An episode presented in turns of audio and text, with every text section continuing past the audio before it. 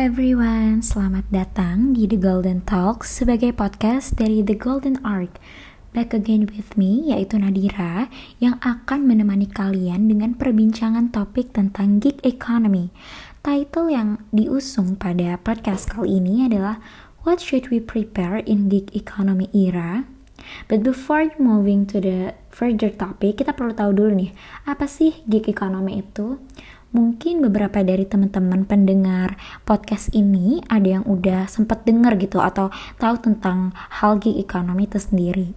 Well, next, jadi uh, istilah gig economy itu berasal dari kata gig yang sebelumnya sering dipakai dalam industri hiburan dan kesenian. Gig itu sendiri digunakan untuk menyebutkan suatu proyek yang sedang dikerjakan dan mendapatkan bayaran berdasarkan jumlah proyek yang diselesaikan. Then the next fact is uh, pekerja gig ekonomi itu umumnya tidak memiliki penghasilan tetap gitu seperti pekerja pada umumnya. Oke, okay, well dari sini mungkin uh, teman-teman pendengar podcast The Golden Talks udah ada gambaran sedikit lah ya tentang gig economy. Nah, next untuk pembahasan yang lebih lanjutnya, gig economy ini akan mempunyai suatu ciri-ciri khas tertentu yang identik berupa masifnya para pekerja part-time atau posisi sementara yang juga kerap kali diindikasikan sebagai independent contractors or freelancer ya mungkin teman-teman uh, awamnya uh, dengan istilah tersebut gitu. Nah, para worker atau pekerja dalam sistem gig economy ini akan relatif mempunyai waktu masa kerja yang lebih singkat dan juga terdapat kebutuhan skill on demand. Nah, maksud lebih jelasnya itu seperti apa sih gitu? Jadi, skill on demand yang dimaksud ini itu tuh berkaitan gitu dengan sistem gig economy itu kan dia membutuhkan pekerja-pekerja atau workers yang sesuai gitu dengan kebutuhan skill atau kemampuan tertentu yang diminta aja. Maksudnya tuh gimana gitu. Nah, jadi gini.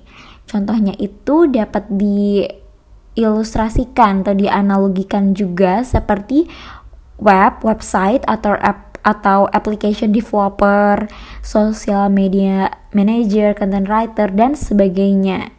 Nah, pekerja dalam gig economy ini akan uh, bekerja saat terdapat job yang diterima gitu. Jadi saat kita dapat job, kita ambil, kita take that job, and then kita kerjakan dan dapat outcome-nya berupa uh, pendapatan kita gitu.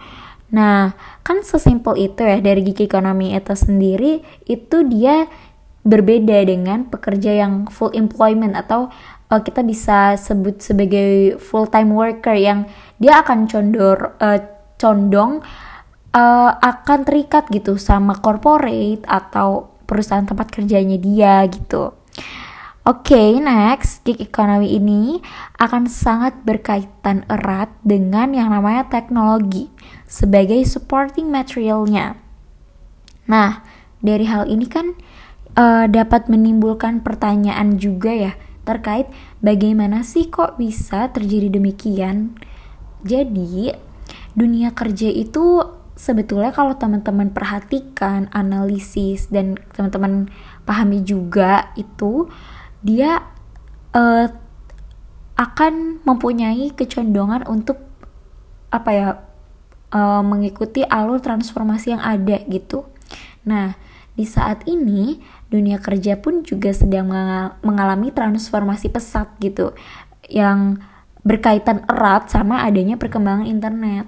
Nah, melalui internet ini, pekerjaan-pekerjaan kontrak jangka pendek atau kita bisa sebut sebagai part-timer worker atau freelancer itu kan akan amat mudah ya didapatkan seperti kayak permintaan edit video atau mungkin melakukan program web dengan perangkat lunak atau kayak transportasi daring gitu. Nah, hal-hal yang kayak gini itu akan menjadi suatu celah atau pintu baru untuk kita-kita nih para worker dalam mendapatkan lowongan pekerjaan gitu. Nah, hal ini kan berbeda cerita dan konsepnya kalau misalnya kita akan mengambil suatu take the job yang memang berasal dari perusahaan corporate yang memang perlu keterikatan gitu antara individual worker ya sama tempat kerjanya gitu. Kalau sebagai freelancer dan uh, sebagainya ini kan dia akan mempunyai kecenderungan untuk bisa take job sesuai uh, dirinya gitu. Kita bisa menyesuaikan job apa yang mau diambil dengan diri kita sendiri dan juga disesuaikan dengan income atau berupa gajinya atau berupa pendapatannya yang akan mau kita dapatkan gitu. Jadi kita bisa nge ibarat kata itu adjustable gitu, bisa diatur sesuai kemauan individualis masing-masing gitu. Nah, then uh, kita tuh juga perlu tahu loh teman-teman bahasan tentang gig economy itu berkaitan erat dengan adanya eksistensi dari teknologi kalau nggak ada teknologi uh, seperti yang kita ketahui saat ini itu mungkin gig economy atau para worker-worker yang mungkin tidak mengoptimalisasikan adanya teknologi itu akan tertinggal gitu dalam sistem ini. Nah, dan the gig economy itu tuh gimana ya sebenarnya dia tuh merujuk pada cara kerja baru gitu teman-teman. Yang dia tuh dianggap lebih efektif dan efisien juga dibandingkan cara kerja yang sebelumnya. Actually, gig economy juga bisa menjadi sumber pendapatan masa kini. Keadaan saat ini itu sangat relate gitu dan sesuai banget sebenarnya sama sistem gig economy ini. Selain itu, kehadiran gig, gig economy ini juga akan memudahkan kita dalam cara menghasilkan uang karena kita dapat bekerja atau menyelesaikan proyek dari mana aja. Contoh pekerjaannya yang dimaksud ini adalah kayak Misalnya ya kayak tentang creator, graphic designer, web hosting, dan lain sebagainya. Namun, perlu digarisbawahi bahwa tidak semua pekerjaan itu bisa menggunakan gaya gig economy. Akan tetapi, setidaknya gitu kehadiran dari gig economy ini dapat mengurangi kesenjangan karena adanya akses atau kemudahan dalam mencari uang. Di sisi lain, gig economy itu bisa memberikan kesempatan bagi perusahaan untuk menemukan pekerja-pekerja terbaik karena perputarannya yang sangat cepat. Dari seluruh penjelasan yang telah diuraikan nih terkait gig economy itu sendiri kita kita sebagai youth generation yang memegang tembak kepengurusan dari generasi selanjutnya perlu banget mempersiapkan diri dalam menghadapi situasi demikian. Seperti sesuai di yang dideklarasikan gitu ya dalam judul podcast kita kali ini, The Golden, The Golden Talks akan mengangkat dan menitik beratkan pada bahasan-bahasan apa aja sih yang perlu dipersiapkan kita dalam gig economy itu. Oke, okay, let's get to the exacting part. Sebenarnya Kenapa sih kita perlu mempersiapkan diri sebelum menghadapi hal tersebut?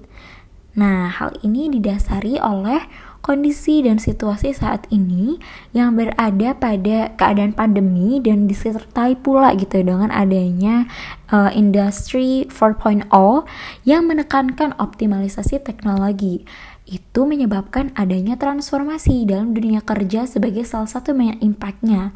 Maksud lebih jelasnya itu gimana sih? Oke, okay.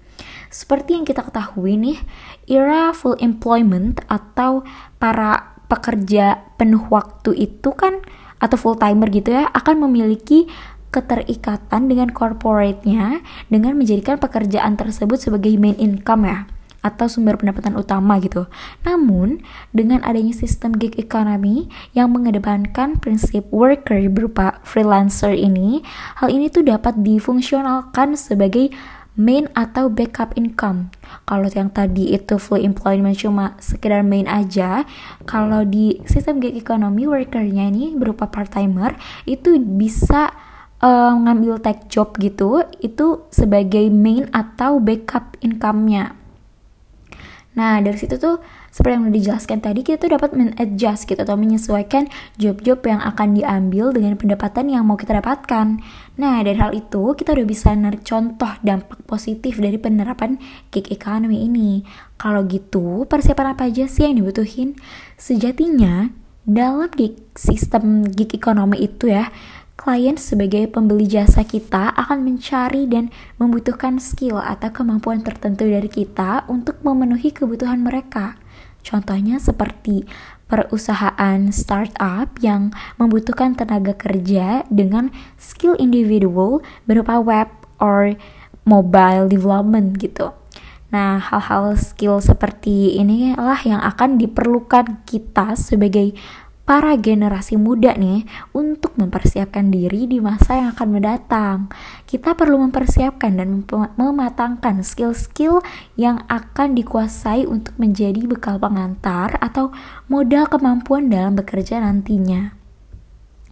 Nah, dalam 2022 ini, teman-teman perlu tahu juga nih sebenarnya itu tuh terdapat istilah yang namanya promising skills atau kemampuan-kemampuan yang menjanjikan gitu dalam dunia kerja yang diukur dari kebutuhan para peminat klien itu untuk take pips atau take a worker for certain jobs gitu. Nah, berikut adalah 10 promising skills di tahun 2022, yakni yang pertama ada social media management, web or dev mobile development, internet research, data entry, web designing, accounting, graphics designing, konsultansi, recruiter, dan ada juga yang namanya content writer. Nah, dari promising skills tersebut, itu bisa menjadi acuan kalian nih, kita-kita para generasi muda untuk turut adaptif dan progresif pastinya dalam mempersiapkan diri di dunia kerja nantinya. Dari sini teman-teman semua udah kebayang belum? Udah mau mendalami skill apa sih gitu? Nah, harapannya itu podcast ini dapat turut serta membantu teman-teman sekalian dalam memilih skill yang ingin diperdalam ya. Nah, thank you banget udah luangin waktunya untuk dengerin podcast The Golden Talks kali ini.